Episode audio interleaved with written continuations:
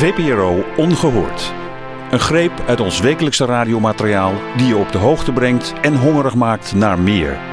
Met in deze editie jezelf zijn. Of dat nu een uitgestorven kikker is die haar embryo's in de maag uitbroedt, of een Nederlandse vrouw die haar eigen leme hutje opeist in de Sahara. Ze laten zich niet veranderen, maar lachen de plaaggeesten tegemoet.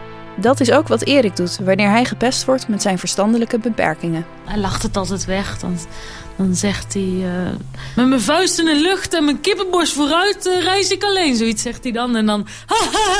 Muzikanten Roos Reebergen en Tore Florin waren de afgelopen week te gast bij de avonden. Heel leuk dat hij van die... Uh, van die goede zin altijd uh, zei. Zoals uh, in deze wereld vol met wolven hou ik niet meer mee.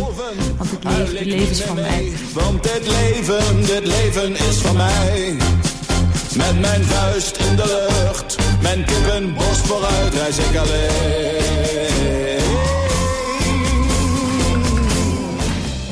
Ook Wim Brands had interessante gasten in zijn radioprogramma. Herman de Recht en Leon Heuts, die samen de filosofische Twitterkanon samenstelden.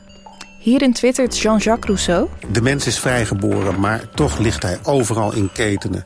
Wat beneemt ons de vrijheid? De normen van de plaats waarin we wonen... of de verwachtingen van de mensen die ons lief zijn? Marjan heeft aan geen van beide boodschap. Ik uh, weet niet waarom. Dat zou je aan een psycholoog moeten vragen. Maar als een man te lief is, dan stamp ik hem de bodem in. Ik moet iemand hebben die, die weerstand geeft. Want anders dan, uh, dan wordt het een knechtje. Dan zeg ga jij naar de keuken, doe dit. Ga daar, haal dit voor me. ik heb ergens iets, iets autoritairs, iets, ja, ik weet niet. En ik weet dat ik met hem... Het is geen kantoorklerk. Hij zal zich gewoon... Hij laat zich merken. Hij, hij, hij is iemand. Op reis in Marokko werd Marjan verliefd op de Sahara-nomade Ahmed. Hij hield ook van haar, maar ze was niet de enige. Ahmed had namelijk al een gezin. In plots vertelt ze hoe dat verder ging. Ze mogen vier vrouwen hebben. En meestal slapen alle vrouwen in één tent, of in de ene helft van de tent, en alle mannen in de andere helft van de tent.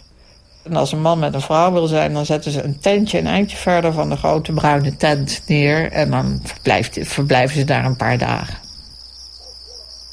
En zo gaat het dan ook. Marjan slaapt met Ahmed. Tenminste, de eerste nacht. Maar de tweede nacht kwam de zuster bij slapen.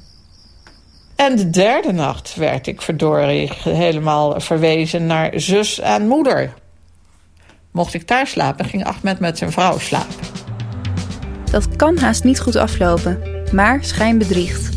Al ziet de situatie er nog zo hopeloos uit, stel je bent een uitgestorven diersoort, dan maak je toch nog kans op een lang en gelukkig leven. Het kan. Althans, Britse onderzoekers wekten afgelopen maand een uitgestorven kikkersoort weer tot leven. Het was het gesprek van de dag tijdens een internationaal congres over de-extinctie. Het ontuitsterven van diersoorten zou ik het dan moeten noemen, denk ik. Nico van Stralen, hoogleraar evolutiebiologie, hartelijk welkom. Hoe gaat dat in zijn werk, het uh, ontuitsterven van een, van een diersoort? Hoe, hoe doe je zoiets? Nou, is één ding eh, wat je onmiddellijk moet beseffen... is dat het niet makkelijk is en dat het eigenlijk ook nog nooit gelukt is. Maar er is wel heel veel optimisme daarover.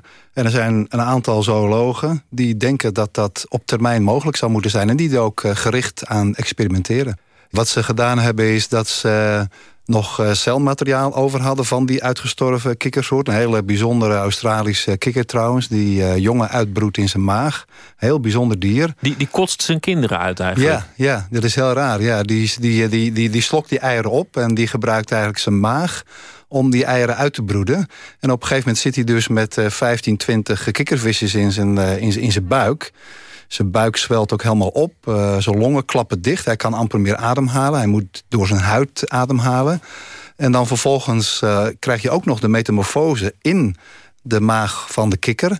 En daarna spuwt hij dus uh, kleine kikkertjes uit. Ja, heel, heel bijzonder beest. Wil je weten hoe dit bijzondere beest weer tot leven wordt gewekt? Luister dan de hele aflevering van Labyrinth Radio op vpro.nl.